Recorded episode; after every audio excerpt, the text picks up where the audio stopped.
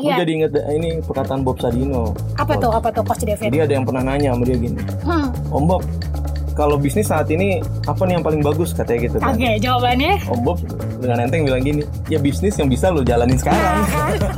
Pot Manis, obrolan seputar manajemen dan bisnis yang diulas langsung oleh para ahlinya. Pot Manis, your one-stop management and business channel. Selamat datang di episode kedua Pot Manis, pojok pintar manajemen dan bisnis, your one-stop management and business channel. Bertemu bersama gue, Nanda Auliasari, salah satu coach manis di bidang decision science yang akan menemani sobat PPM semua. By the way, apa kabarnya? Semoga semua sobat PPM yang sedang ngedengerin kita dalam keadaan sehat walafiat ya, tanpa kurang satu apa pun. Sebelumnya, gue juga mau ngucapin terima kasih kepada semua sobat PPM yang sudah bergabung di Pot Manis, bahkan dari episode-episode pembuka sebelumnya. Well, gue hari ini gak sendirian, telah hadir bersama kita semua partner gue nih ya, ada Coach David. Halo Coach, apa Halo. kabar? Halo Coach Nanda, sehat? Apa Sehat. kabar nih Coach Nanda? Alhamdulillah sehat Coach. Nah, Co- Coach David ini sama nih ya, barengan kita ya di Yes, sama-sama di bidang Yes, decision science di betul PPM sekali. Manajemen. Betul banget. Dan juga salah satu pengisi kemarin nih ya di episode perdana ya Betul di Pot Coach Nanda. Manis. Wah, dengerin juga nih berarti Coach Nanda nih. Iya dong. Oke, ya hari ini nih gue excited banget nih bisa bareng-bareng dengan Coach eh, David ya di eh, Pot Manis edisi kedua ini. Mm-mm, bener banget Coach. Sama gue juga nih excited banget. Gimana nih Coach? Kita mau bahas apa nih? Oke, nah ini nih benar-benar nggak berasa banget nih ya. Kita udah di tahun 2021 nih ya. Iya, Nah, iya. di mana sekarang nih udah di bulan Maret, which is kita sudah satu tahun bersama apa? Bersama pandemi. 19 itu. Luar biasa nih ya. Iya, iya. Nah, ini berarti kita memang udah ngelewatin tahun yang menurut gue tuh struggle banget ya di tahun 2020 kemarin. Berarti kemarin dia ulang tahun ya Coach ya? Iya, tapi jangan sampai panjang umur ya. Kali ini doa kita nih jangan sampai panjang umur. Benar-benar amit Benar-benar. ya. Mudah-mudahan cepet-cepet beres ya Coach. Amin, amin ya.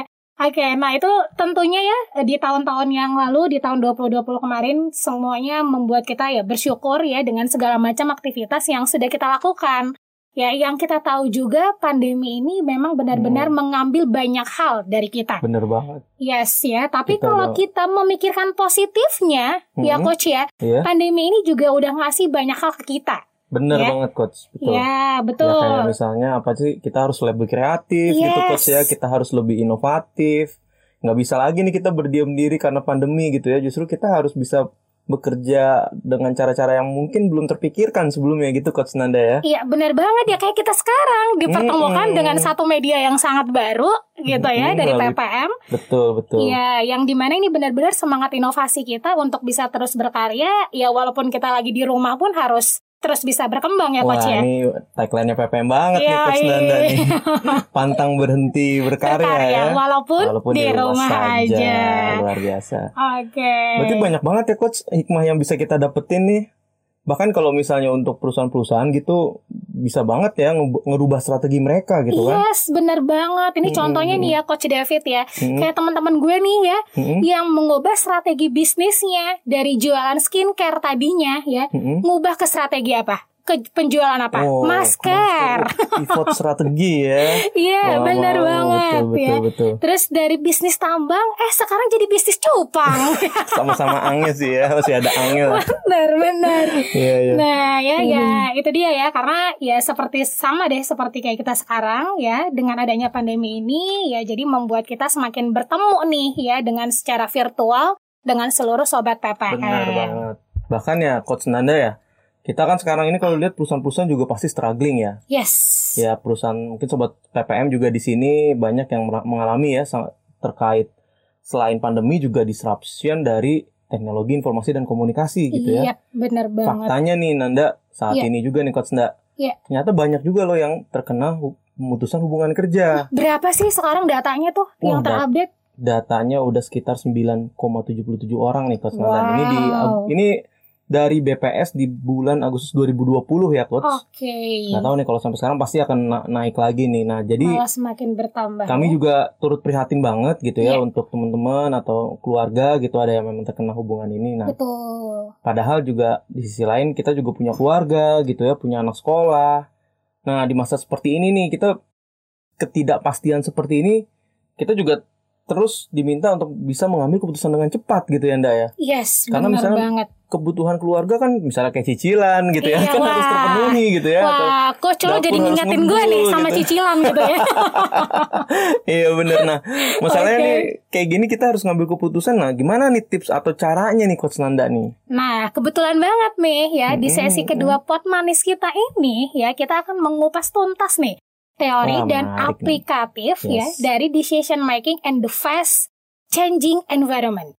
Ya, jadi kalau dari judulnya aja tuh udah kelihatan udah jelas banget ya kalau gimana caranya kita bisa mengambil keputusan ya dengan cepat, sigap ya eh, dengan zaman yang memang ya sekarang yang kita tahu Iya, bener, serba nggak pasti iya gitu kalau ya. ada yang bilang sih sekarang eranya VUCA gitu ya VUCA tuh volatile serba iya. ngambang gitu betul, ya betul. uncertain nggak Iya. jelas nih nggak pasti gitu ya kemudian juga complexity dan ambiguity Jadi Betul. memang nih kita butuh banget nih gimana sih cara pengambilan keputusan gitu ya di era yang memang serba tidak menentu atau dengan pengambilan yang cepat Iya. gitu. Benar banget. Nah, that's why ya di hari ini kita akan memperkenalkan kepada sobat PPM semua bahwa adanya suatu konsep agar kita dapat mengambil keputusan dengan cepat. Mau tahu Coach David? Wah, pengen tahu Oke. banget dong Coach Nanda. Iya. Yuk kita bahas bareng-bareng kali ya Coach ya. Yuk, oke ya. Oke, Yang Bang. di mana konsep ini tuh ya ditemukan oleh seorang pilot pesawat tempur di Amerika. Uh, ya. menarik nih Yes. kalau pesawat-pesawatan. Iya, ya ini dicetus pertama kali oleh Kolonel John Boyd ya Mhm. pada saat dia sedang menyusun strategi operasi penyerangan.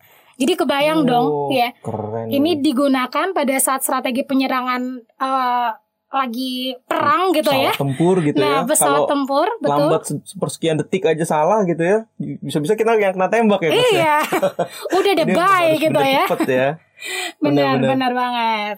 Jadi kalau dikaitin sama situasi sekarang nih coach yang kayak misalnya kita baru di PHK gitu ya, terus Iya. kita juga situasinya mendadak kita nggak pernah kepikiran nih sebelumnya kita Iya, akan di PHK betul. gitu kan ya. Kan tentu kita harus punya cara bagaimana nih kita bertahan hidup gitu kan. Betul, betul. Nah, supaya dapur ngebul tadi ya, harus Iya. dengan cepat ngambil keputusan, harus bisa ngedapetin income lagi mungkin. benar, nah, benar jadi- banget. Kayaknya kita perlu dibantu nih coach gitu ya. Apa sih ini langkah-langkahnya gitu. Oke, nah kalau kita mau membuat keputusan dari Mm-mm. teori ini ya, Mhm. jadi itu ada empat tahapan ya dalam kita membuat keputusan, yaitu disebut dengan kalau singkatannya itu ada OODA looping. Nah, apa sih itu ya OODA ya? Yaitu ada observe ataupun observasi ya. Lalu kemudian yang O yang kedua ada orient atau Mhm. orientasi ya. Lalu yang ketiga ada decide ya dalam kita mengambil ya. keputusan, betul. Oke, nice. Dan yang terakhir dijalani ataupun act. Oke. Oke. Soalnya percuma ya kalau keputusan cuman berakhir di kertas doang atau dalam Nah, pikiran. bener tapi nggak dijalanin jadi cuma gitu ya. wacana dong ya betul betul. Nah jadi di mana konsep analisis ini tuh berulang nih coach ya Hmm. untuk kita bisa menentukan keputusan dari suatu masalah ini ibaratnya seperti lingkar ya tadi juga gue udah nyebutin di depannya ada looping gitu ya OODA Yes, yes. loop ataupun OODA looping ya Nah, jadi ini uh, benar-benar konsep yang berulang karena dari dalam konsep ini semua proses dilakukan secara iteratif gitu ya. Oke, berarti Iya. berulang-ulang. Ada pembelajaran berarti di situ ya coach Betul ya. sekali. Oke, jadi yang pertama itu tadi coach Nanda bilang adalah yang namanya observe yes. gitu ya. Observe. Observe tuh seperti apa sih? Apa lihat-lihat doang gitu atau gimana tuh coach Nanda tuh? Oke, nah, Observasi tuh. oke berarti Hmm. ini kita beranjak nih ya, uh, sobat PPM ke tahapan yang pertama, Yes, ya, betul sekali. yaitu di mana kalau observasi, kira-kira apa sih yang kita lakukan gitu ya? Secara otomatis kita pasti akan mencari data atau informasi nih, ya. Mencari. Kita cari-cari data dulu, cari informasi dulu yang memang sangat banyak. Contohnya ketika kita kebingungan gitu ya, wah Mhm. gue baru di PHK, oke nextnya ini gue harus ngapain? Hmm. Mungkin langkah yang paling cepat adalah gue harus bisa melakukan bisnis. Tapi bisnisnya bisnis apa? Tanda Hmm, tanya betul, lagi betul, dong betul, gitu ya. betul. Nah, terus bisnisnya bisnis apa? Oke, gue googling gitu ya, gue googling. Terus di situ yang akan gue googling apakah dengan kata-kata atau keyword misalnya dengan bisnis yang bisa dilakukan di rumah. Wah itu kan banyak banget Wah, gitu itu langsung tumbuh berjibun sih. Benar banget. Dari reseller gitu ya, Yes. dropshipper gitu ya. Bener. Pengalaman ya coach ya. Iya, ketahuan. Ketahuan deh ya. Nah, jadi ini benar-benar kompleks banget. Nah, oleh karena itu kita perlu pahami dulu nih ya. Hmm. Awalnya sebelum kita melakukan observasi, kita tanyakan dulu nih pada diri kita gitu ya. Ini sebenarnya purpose atau tujuannya itu apa sih? Ya. Hmm. Lalu kemudian dilihat lagi, kekuatan kita sebenarnya itu apa? Oke, berangkat dari kekuatan kita dulu iya, ya. benar banget. Karena mungkin lebih mudah ya, akan Nah. lebih jauh lebih mudah kalau kita berangkat dari Iya, kekuatan kita ya. Benar banget ya. Hmm. Jadi misalnya oke, gue udah oke di bidang skincare misalnya Hmm. gitu ya. Nah, misalnya gimana nih ya kira-kira ini oke nggak ya untuk bisa gue beradaptasi ataupun melakukan ataupun masuk ke dalam industri skin- skincare Hmm. misalnya. Nah, jadi ini memang banyak sekali yang uh, perlu kita lakukan, terutama kita perlu mengetahui kekuatan kita, value dan kepercayaan kita itu apa. Jadi benar-benar Oke. kita mencari informasi yang bisa dipengaruhi oleh nilai diri kita. Berarti kata kuncinya pencarian informasi gitu Coach ya. yes, benar Nice, banget. nice. Jadi ibaratnya nih kalau kita di dalam suatu perusahaan gitu ya, yang kita ambil itu adalah data-data dari informasi yang ada di lingkungan industri kita. Hmm. Contohnya misalnya kalau kita melihat situasi politik Mhm. gitu ya, ekonomik, sosial, teknologi, lingkungan yang sangat berdampak pada organisasi kita itu apa sih? Gitu Oke. ya. Nah, jadi apakah misalnya ya akan ada perubahan pada customer, pada value yang Berarti kayak sekarang diberikan? banget ya nih Iya, corona benar gitu ya. Ini kan dampak dari apa lingkungan ya, isu lingkungan ya Coach. Yes, betul, Benar betul banget. banget coach ya. Jadi tadi intinya mengidentifikasi situasi, kita kumpulin datanya gitu ya.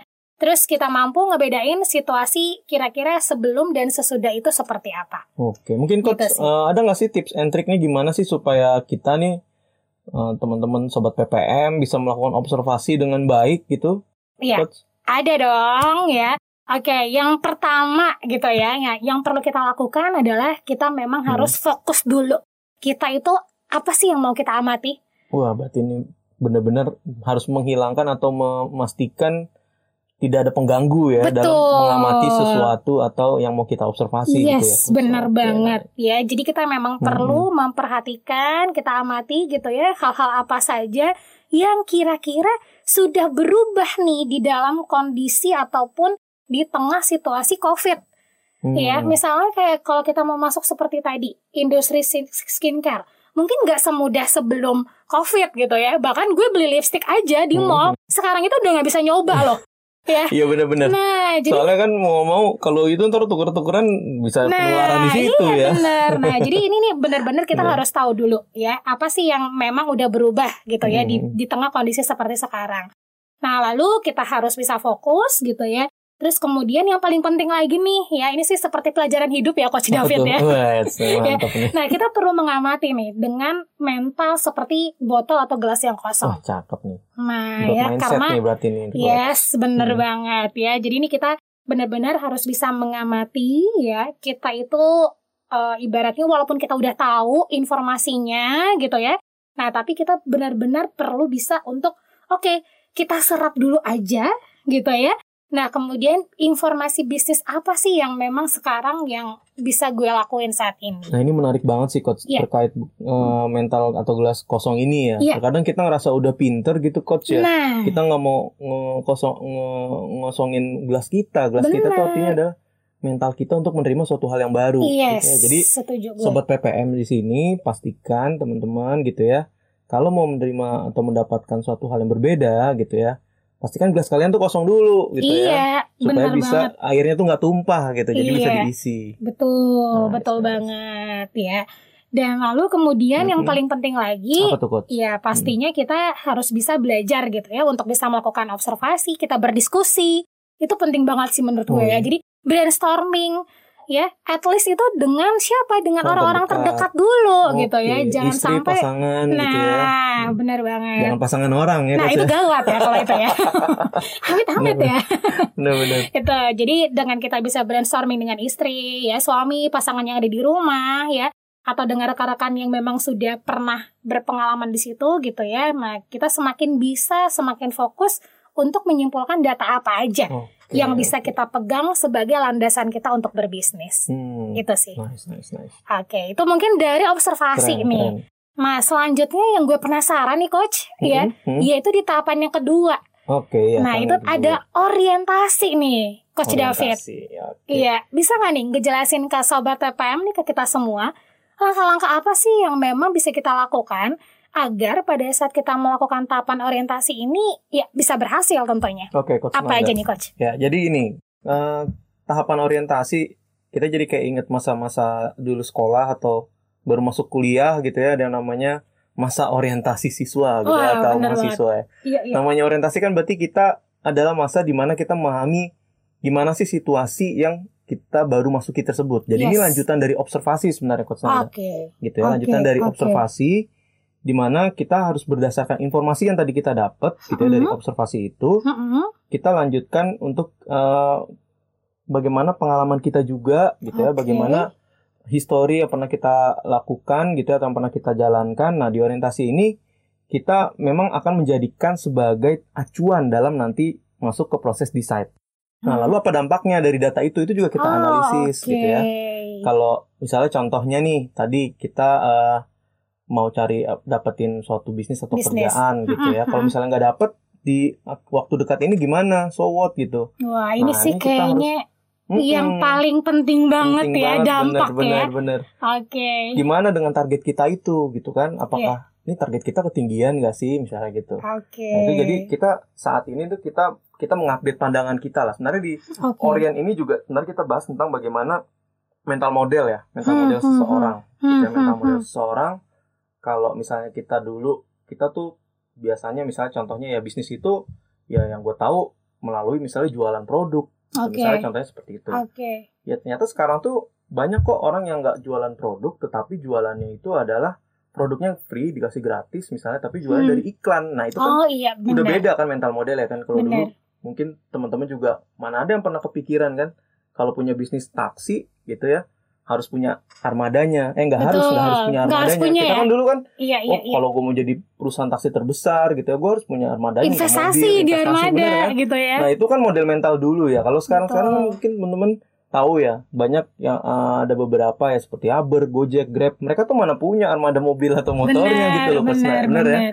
nah Jadi- itu merubah mental model Betul betul. Sama sih kalau kayak kalau kita ngelihat contohnya YouTube gitu ya coach ya. Hmm, benar benar Iya, konten itu mungkin ya itu pem- apa ibaratnya pendapatannya ya semuanya didapat dari mana coba? dari iklan Iya Hmm, kan. jangan salah loh ya Oke. Google ya itu perusahaan terbesar Yes. ya terkaya gitu bisa Betul. dibilang ya padahal sama sekali pendapatannya nggak diminta dari penontonnya atau usernya Benar, gitu. benar, tapi dari benar. mana dari pemasang iklan gitu kan Betul betul nah, itu betul merubah betul. mental model banget sih Coach Nanda jadi Yes. Seperti itu fase orientasi ini bisa dibilang kita melibatkan refleksi apa yang telah kita temukan selama pengamatan dari fase observasi gitu ya kita pertimbangkan semuanya di situ Mhm. kita lihat sebelum akhirnya nanti kita melakukan deciding atau pengambilan keputusan coach Oke. gitu. Luar biasa nih. Nah udah selesai nih misalnya di tahapan orientasi coach Oke. coach Nanda nih di tahapan ini Mhm. tentu dong ya namanya juga pengambilan keputusan kan harus melakukan decide deciding gitu ya. Iya. Nah gimana nih coach kalau misalnya kita mau ngambil keputusan tapi ini agar supaya lebih cep- agar cepat gitu ya apa nih yang perlu Mhm. dilakukan nih Oke. Tahap Nah, ketiga? Hmm. Tadi pada saat lo lo udah, ngejelasin gitu ya orientasi Mhm. itu tuh ngapain aja gitu ya. Benar, Nah benar. berarti kan di situ kita udah tahu dampaknya apa. Ya kita sudah sudah bisa nih menerima pilihan gitu ya. Mm-mm. Nah, di tahapan inilah nih, ya ibaratnya nih kita udah harus bisa menentukan pilihan kita itu apa sih? Gitu Betul, ya. betul. Dengan tentunya ketika kita menentukan pilihan berarti pasti udah ada resiko-resiko ya yang perlu kita pertimbangkan Betul, gitu betul. dong ya. Nah, jadi karena ini memang ya judulnya juga udah rapid decision making gitu ya. Dengan Nah, jadi cepat. keputusan yang cepat, ya berarti kita perlu ngelakuin apa, gitu ya. Nah, yang pertama sekali itu adalah kita perlu mengurangi lingkupnya dulu. Sama sih, kalau misalnya kayak tadi Mhm. lo bilang di tahapan orientasi itu kita benar-benar harus tahu dulu ke depannya apa, gitu ya. Kita nggak usah dulu udah mikirin jangka panjang. Betul. Ya, misalnya oke, gue dengan bisnis ini gue mau melakukan investasi selama lima tahun. wah how come gitu loh ini bisnis baru kelamaan sih, kelamaan nggak akan mungkin takut gitu ya gagal juga Nah, gitu kan bener banget. tahun itu penyakit semua orang sih kayaknya Iya takut sih, gagal ya ya. Nah ya jadi ini nih ya kayaknya dalam kondisi sekarang nih kayaknya belum bisa gitu. Jadi gue harus Mhm. uh, mereduce dulu. Ya gue Oke, memotong dulu oke. nih. Oke, at least satu tahun ke depan dulu deh, gitu ya. Gak usah panjang-panjang mikirin sampai lima tahun ke depan, gitu ya. menarik sih ini Nah, gue jadi inget ini sih coach apa kita tuh ini kan ya sama kayak mau menciptakan suatu perubahan gitu lah ya. benar, benar, kita tuh harus benar. create small winning Ya, nah jadi kemenangan-kemenangan iya. kecil kecil tuh penting buat buat kita gitu Benar kenapa banget. ini kan ibaratnya menjalankan suatu roadmap atau ini ya apa suatu tahapan gitu ya. kalau Yes. kita langsung bikin terlalu panjang belum tentu misalnya apa nggak tergapai gitu ya tapi Iya. kalau ada kemenangan-kemenangan kecil kita bisa rayakan bersama tim bersama Iya. teman-teman gitu yang sehingga semangatnya naik lagi gitu Benar boost up lagi banget. motivasinya Bener Oke, banget. Jadi oke, istilahnya nice, tuh small mi- small winning for big celebration gitu luar ya. biasa betul betul betul itu sih ya. Nah, jadi ya itu tadi ya kita meredis dulu, ya kita kurangi ruang lingkupnya, kemudian targetnya, at least ya kita bisa ngedapetin pendapatan dalam jangka waktu yang paling cepat gitu ya. Oke, Nah, agar keputusan cepat. Nah, itu sih yang paling tujuan tujuan yang paling ingin disasar gitu ya. Nah, lalu kemudian selanjutnya adalah kita memang udah nggak usah memikirkan faktor-faktor yang menurut kita itu nggak penting gitu ya. Yang Faktor-faktor. Iya, ah, oke. jadi ibaratnya gini, kadang-kadang kita ya itu tadi terlalu banyak berpikir sehingga tidak maju-maju kan Oh, gitu. oke. Yang kayak tadi gue bilang penyakit Iya, iya, manusia iya. gitu ya. ya terkadang tapi orang pinter tuh emang kadang ini ya coach siapa terlalu mikirin resikonya gitu loh. Nah, itu. Jadi kan karena udah tahu nih eh, resikonya, ah gue nggak usah ngelangkah deh karena takut nggak selamat misalnya nah, gitu ya kan. iya iya iya. Nah, Nah itu sama nih kalau misalnya gue analogiin kayak kita Hah? mau nyeberang jembatan Hmm, gitu ya. hmm, Yang jembatannya ini jembatan udah tua. Ya Hmm, kalau hmm. misalnya orang-orang yang paling depan nih itu adalah orang-orang yang memikirkan memikirkan resiko, gue yakin deh antriannya pasti bakal jalan sih. pasti akan jadi bottleneck banget deh di dia iya karena gitu dia, ya. dia takut kan karena dia, dia Nah. mungkin kalau insinyur sipil gitu ya udah bisa Iya. udah bisa ngitung nih ini Benar, gaya tekannya atau gaya ini berapa nih kalau gua Yes. berat gua segini ya kan betul ini betul bakal jatuh betul. nih jembatan benar kalau orang yang biasa aja mungkin dia jalan duluan kali ya iya benar-benar nah jadi ini memang menarik sih ya di mana kita memang benar-benar harus bisa ngelihat ya dampak besarnya apa sih kalau kita jalan kan gitu ya jadi lo Hmm, oke. nggak usah mikirin yang nggak penting-penting yang memang cuman oke kalau misalnya kayak tadi karena kita sarjana teknik kita tahu teorinya oke nggak Hmm. apa-apa karena ini Hmm. berkaitan ketika di tahapan awal gitu ya observasi karena itu Oke, udah oke. kekuatan kita tapi misalnya ada ibaratnya wah kalau lo ngelewatin ini tiba-tiba ngelewatin jembatan tiba-tiba ada siapa yang lewat dan Hmm, segala hmm, macam hmm. nah ini kan udah halu ya namanya ya ya nah jadi ini udah faktor-faktor yang udah nggak penting sebenarnya benar, yang benar. yang yang lo pertimbangkan abaikan aja ya Yes, gitu-gitu. betul, Oke, betul. oke. Nah, jadi apa sih the bestnya? Ya apa worst case-nya? Ya jadi ya kita perlu mikirin resiko yang paling kecil apa dan manfaat yang paling banyak apa Hmm, gitu. Sama sih kayak konsep Pareto ya kalau di dalam perusahaan. Oke, Gitu kita view ya. trivial money ya. Yes, betul sekali ya. Jadi ibaratnya ketika kita ngubah sedikit tapi itu udah bisa wow banget, ya kenapa Kenapa enggak? enggak? Kita yes, itu. benar banget. Oke. Nah, terus Ada kemudian lagi ya, yang lain? ada ya terus Mm-mm. kemudian ada pick or pack nih ya lo mau ambil atau enggak udah pilihannya itu doang kan gitu ya jadi kira-kira hal apa nih yang memang nggak kita ketahui sebelumnya dari bisnis tadi ya yang memang kita mau ngejalanin ya kalau banyak yang kita nggak paham ya udah kita tinggalin Benar-benar. Gue Iya. jadi inget ini perkataan Bob Sadino. apa Coach. tuh apa tuh coach David Jadi ada yang pernah nanya sama dia gini, Hmm, Om Bob, kalau bisnis saat ini apa nih yang paling bagus katanya gitu oke kan? jawabannya Om Bob dengan enteng bilang gini, ya bisnis yang bisa lo jalanin sekarang. nah kan gue setuju Eh bener banget dong kalau misalnya cuma dipikir-pikirin doang ya iya kan? Tapi nggak berani dijalanin, ya percuma juga bakal jadi. Jadi bisnis Iya. yang paling bagus yang teman-teman bisa jalanin sekarang juga. gitu. Yes, benar banget ya. Jadi ya putuskan Benar, benar. bisnis yang mau lo lo bisa jalanin sekarang benar, gitu ya. benar. Gak usah terlalu banyak halu-halu gitu ya. Hmm. Oke, terus yang terakhir yaitu intuisi. Penting banget ya intuisi ya. Karena kadang-kadang memang sebagian orang ya itu memang Hmm, bisa dilahirkan dengan intuisi yang tepat gitu ya. Ya contohnya dia kayak orang-orang yang memang udah lahir dengan hoki yang kenceng gitu ya. Nah, itu sih memang dia laki laki gay banget sih gitu ya. Nah, jadi ketika intuisi lo bilang, "Wah, ini oke. ini oke nih buat gue. Udah. Ini menarik banget sih kalau ngomongin intuisi Yes, nih coach ini bakal benar, panjang benar. lagi nih.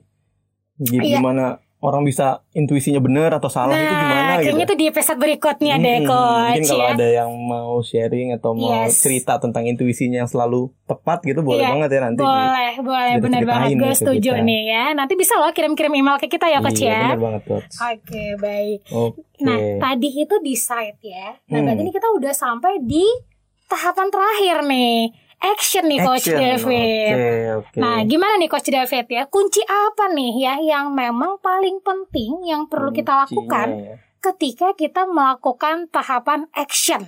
Kayaknya ini kunci banget nih Ini, ya. ini ini kunci banget sih benar Yes. sih. Nda. Jadi bisa dibilang action ini akan percuma kalau misalnya tidak dilakukan ya. Satu step satu dua tiga tadi menjadi akan percuma. Jadi ya. sambil mawon mulai ya. observe gitu ya, udah lihat-lihat misalnya Iya. gitu ya, udah berorientasi, sudah mendecide, udah mengambil keputusan tapi nggak ada action gitu kan. No Nah. action bisa dibilang NATO gitu ya. No action talk only. Nah, gitu kan. itu ya. Jadi kalau dilihat analoginya Coach Nda, jadi Oke. seperti kalau kita mungkin teman-teman kalau nonton ya, kalau di dalam film tuh kan ada sutradara selalu teriak tuh ya, Hmm. action misalnya gitu Nah, kan. iya. Terus kita harus ngapain gitu ya? Nah, biasa kan aktor ya langsung mau nggak mau yang melakukan apa yang sudah direncanakan kan Iya, dari benar. skrip misalnya dari skrip udah ada Benar dia tuh banget. udah baca dulu sebelumnya.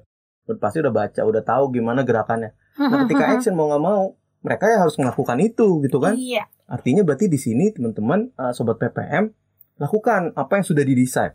Entah Oke. itu benar atau salah itu menjadi hal belakangan. Udah jalanin dulu aja Jalanin dulu gitu aja, ya. bener Oke. banget. Kenapa? Soalnya kalau misalnya kita di kondisi yang tidak menentu atau serba fuka seperti ini, kita itu bisa dibilang informasi tadi yang diobserv bisa jadi masih terbatas, masih belum Betul. masih ada informasi yang mungkin belum kita dapatkan. Setuju banget. Gitu ya. Jadi di action ini ketika teman-teman melakukan suatu tindakan berdasarkan tadi yang di, diambil di desain, Mhm. bisa jadi nanti akan menjadi loop masukkan lagi ke observasi. Iya, iya, iya. Jadi Jadi, balik lagi dong ya. Mm-mm, balik lagi Oke. ada pembelajarannya, ada iterasinya. Jadi kita Yes. tahu nih kalau misalnya kita sekarang udah di track yang benar atau tidak gitu ya dan Hmm. kalaupun misalnya tidak itu menjadi pembelajaran untuk kita masuk uh, atau menjadi bisa dibilang feedback ya masukan ya umpan Oke. balik ya feedback untuk melakukan perbaikan-perbaikan iterasinya tadi Hmm, coach. hmm, hmm, Gimana hmm, kalau misalnya hmm. nggak ada action kita nggak bisa dapat dapat feedback dong nah benar, jadi benar. harus dijalankan Oke, biasanya kalau feedback itu Mm-mm. kita dapetin dari mana nih coach? macam-macam sih coach Oke. misalnya dari ketika kita lakukan action tersebut ya entah dari rekan kerja kita atau Oke. dari dari customer kita itu paling Bahkan berharga bisa sih ya, bahkan Banget, bisa banget. langsung dari user biasanya ya. ketika iya user kita ketika mereka mereka menerima jasa kita kan mereka akan merasakan ya oh ini kayaknya ada yang kurang nih gitu Iya, ya iya, iya. boleh nggak di di diperbaiki lagi atau dibuat seperti ini nih kayaknya lebih asik nih gitu ya Oke. makanya nggak heran nih coach Nanda kalau coach Nanda kan pasti di smartphone-nya ada banyak aplikasi dong ya Benar. Kayak Tokopedia atau Shopee Iya, atau iya, iya. Gojek segala macam Iya, iya. itu kan nggak mungkin mereka cuma bikin sekali terus nggak ada update pasti selalu ada Betul. update ya kan Benar, selama benar berapa banget. bulan atau itu mereka bisa melakukan itu karena mereka membaca Oke. feedback masukan-masukan dari pengguna-pengguna Penggunanya mereka iya gitu makanya ya. muncul tuh ada update oh diperbaikin lagi gitu ya Hmm, oh hmm, hmm. ada misalnya kayak ada update bugs atau apa nah itu Betul. sebenarnya mereka yang penting kita meluncur dulu kita lemparkan ke pasar gitu ya karena di era seperti saat ini mau nggak mau semakin kita cepat tahu kita melakukan kesalahan apa itu Mhm. semakin bagus Benar Jadi, banget. fail fast gitu ya Iya. semakin cepat kita fail atau kita tahu kita kesalahannya di sana nah itu menjadi masukan ke tim untuk perbaikan lagi gitu Oke, feedbacknya. oke, Jadi ini oke, adalah oke. waktu yang tepat untuk belajar dan bertumbuh. Yes, yes. Ini sih sama ibaratnya kayak tambal sulam, tambal Bener. sulam yang penting dijalani dulu aja gitu ya. iya bener banget. Jadi nggak usah takut tambah sulam tambah sulam karena apa? Ban pesawat aja tambah sulam coach di Nah. vulkanisir. Gue jadi deg-degan nih mau naik pesawat aja. gitu Tapi ya. itu tetap aman so coach. Oke, oke. Bener Oke, bener. mungkin ini menarik ya berkaitan tadi dengan model mental yang tadi lo sebutin juga sih sebenarnya Coach Dev ya. Benar benar benar. Betul, betul, betul. Contohnya nih Oke. memang kalau di empat ini ya memang kalau dalam kehidupan sehari-hari kita lihat itu seperti Google Maps. Hmm, gimana gimana tuh? Jadi gini, ketika kita misalnya mau pergi ke satu tempat, misalnya let's say Mhm. taruhlah dari Jakarta kita mau ke Bandung nih, Oke. kita kan kita masukin nih tempatnya di Bandung misalnya ke mana. Yes. Nah di Google Maps kan dia udah udah secara otomatis akan me- mendirect kita lewat jalur mana misalnya lewat tol gitu ya Cipularang iya, lewat benar. Cikampek masuk Cipularang dan di situ udah udah muncul tuh kira-kira butuh waktu tempuhnya berapa lama gitu Iya, kan iya, iya. nah iya. jalan dong kita dari rumah gitu kan nah Hmm. itu aplikasi itu memang akan menghitung uh, dan selalu mengobservasi sebenarnya. Iya. Ketika tiba-tiba di jalan tol ternyata, oh kok macet ya, gitu kan? Mm-mm. Nah kita kan lihat dong di di aplikasi, wah ada apa nih kok merah dan tiba-tiba tuh ada pertanyaan, apakah anda mau lewat rute yang oh lebih cepat? iya nah, gitu kan ya. Itu tuh sebenarnya Iya, iya. mereka ada yang namanya proses iterasinya. Jadi kita Oke. diarahkan pindah kayak dia dia orientasi lagi tuh. Dia Balik lagi berarti ya. oh, lebih cepat nih ternyata keluar dulu nih di kilometer Mm-mm. 20 misalnya contoh gitu karena ada kecelakaan di kilometer 25 gitu. Nanti kita masuk lagi di kilometer 50-an misalnya contoh gitu. Mhm, Itu. Google Maps-nya secara secara apa? secara langsung ya. Memang sih itu dengan menggunakan algoritma ya mau nggak mau ya karena Yes. kan eh, harus ada iterasi yang cepat gitu dilakukan tapi nggak menutup kemungkinan manusia juga harusnya sih bisa sih melakukan Benar. seperti itu gitu loh Coach. Setuju, setuju gue. Wah, Nah, ini menarik kalau- banget ya analoginya kalau ya. Analogi ini ya kalau kita pakai aplikasi atau platform gitu ya. Tapi kalau kehidupan sehari-hari selain yang tadi itu masa-masa muda gitu gimana sih. Coach? Ada nggak sih Coach? ini kayaknya nih, wah, karena karena memang pasangan gue hari ini laki-laki ya. kayaknya nih gue perlu bertanyanya ke laki-laki nih. Gimana sih waktu lo nih ya mencari calon istri atau calon pacar dulu Oh, ya? iya, iya sih bener juga sih bener-bener bener. Iya Gue jadi sih? inget sih. Iya, iya, iya. Jadi biasa kan kalau kita mau deketin cewek kan kita observe dong. Observasi dulu. Lihat dulu kan ya. nih ceweknya Oke. orangnya gimana ya dari suku Benar, mana atau dari benar. agama mana gitu kan kita lihat wah kayak cocok nih bisa nih kan. Yes, Terus yes. biasanya tuh gue orientasi habis itu ya waktu itu sih gue nggak tahu ya namanya apa tapi kan secara tidak langsung kita melakukan orientasi seperti apa tuh Iya. contohnya misalnya ini pesaing gue siapa aja nih Iya kan dari data yang dulu pesaing gue siapa aja nih kira-kira nih banyak nggak nih pesaing gue gitu kan akhirnya gue Oke. mendecide dong menga- mengambil keputusan misalnya oh kayak deh boleh deh gue tembak nih ya kan gitu kan contohnya kan decide tapi belum Masuk dong dilakukan ke desain. Oh belum belum nih ya, masih belum. masih orientasi nih. Iya, ya. cari-cari Oke. dulu nih tempat yang asik di mana nih nembaknya gitu Oke. kan, di mana eh, ngobrolnya nanti. Nah, akhirnya action dong. Iya. Kita kan nembak kan. Ternyata Benar. dijawab nih. Pas dijawab ternyata aduh nggak dulu. Ya, kan kita langsung gini ya. Masa daripada gue malu, ya udahlah gue bilang aja gue bercanda gitu. Bercanda atau ngeprank nih? Bercanda atau Ngeprank gitu ya. enggak, enggak diterima lah enak aja diterima. Diterima Cuman ya. masalahnya ada yang sehari doang coach. Waduh. Besokannya mungkin dia iterasi juga. Oh, kok kemarin gue terima ya. Iya, Akhirnya iya, gue iya. putus sehari doang coach beneran. Waduh. Jadi habis itu wah aduh Jadi- luar biasa jadi- nih cuman sehari. Jadi dia juga melakukan ini iterasi oh ternyata mungkin dia dapat gitu ya masukan-masukan Oke. dari teman-temannya akhirnya dia ambil keputusan decide dia akhirnya eh kita sorry kemarin gua eh, terima lu agak salah nih gitu. Iya. Kita putus cuma sehari beneran.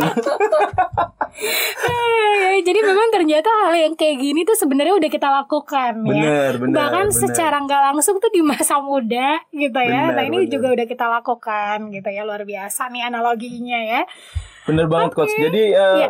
bahasan kita ini gitu ya terkait pengambilan keputusan di masa yang serba tidak menentu ini juga Yes. dibahas lengkap nih coach di majalah Bener. manajemen. Wow. Mm-mm. Oke.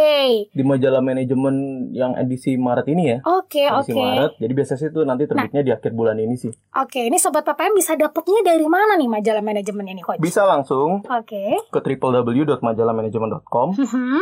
Nanti teman-teman bisa masukin deh kita kasih misalnya semacam eh, kode promo ya, Wah. Pot Manis PPM. Gue suka nih yang promo-promo dapat nih. diskon 50%. Wah, Jadi kalau teman-teman. PPM mau baca lebih lengkap, Yes. lebih eh, seru lagi ya, bisa ke majalahmanajemen.com. Oke, berarti jangan jangan lupa dicatat ya, sobat PPM www.majalahmanajemen.com. Betul banget, Oke, Coach Nanda. yes. Oke, itu jadi tadi sedikit penjelasan kita untuk penggunaannya juga seperti apa Yes. gitu ya. Mudah-mudahan bisa bermanfaat. Kalau misalnya sobat PPM mau nimbrung gitu, mau cerita juga Boleh pengalaman mereka banget, gitu, boleh boleh banget. kan coach ya? Ya, berarti langsung aja kirimin email ke kita gitu ya. Ya, Oke. jadi emailnya itu silakan langsung Ke eh, sobat PPM, yes, ke gmail.com Iya.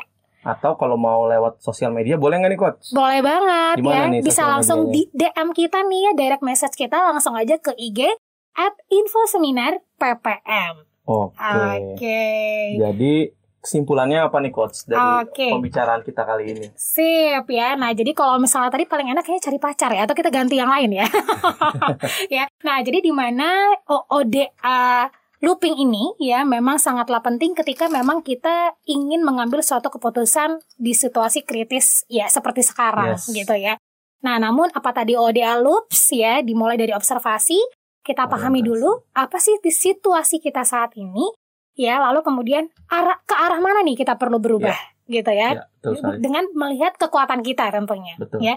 Lalu kemudian orientasinya ya kondisi kita sekarang di mana, kita akan ke mana ya sama sih kalau tadi lo nyebutin Google Maps gitu ya. Nah itu kita lihat Maps dulu ya. Lalu kemudian setelah kita tahu jalan mana yang paling Bagus. bagus, yang ya. paling Ya, cepat gitu ya. Nah barulah kita decide kita Yes. mau memutuskan kita mau lewat mana Yes. gitu ya. Lalu act-nya oke, Oke, jalan, jalankan just gitu. do it. Jangan takut gitu ya. Yes, Udah benar riset banget. itu harus uh, artinya kita mendapatkan feedback dari situ dari action Iya. tersebut dan bisa masuk ke observation lagi. Benar Jadi banget. makanya dibilangnya loop. Ya, dan jangan lupa ya, jadikan small winning di setiap kehidupan kita itu menjadi big celebration. Nice. Oke, Itu sih yang luar paling biasa, penting ya. Oke, akhir kata kami saya Coach Dave. Oke, dan saya Coach Nanda.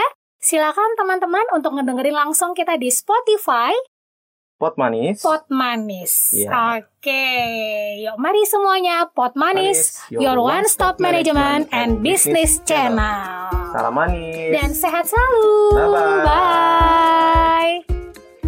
Hey hey hey, jangan lupa follow akun sosial media kami di Instagram at info seminar PPM dan juga Facebook publikasi dan seminar PPM. Untuk saran dan pertanyaan seputar Pot Manis, Sobat PPM bisa email ke potmanisppm at gmail.com.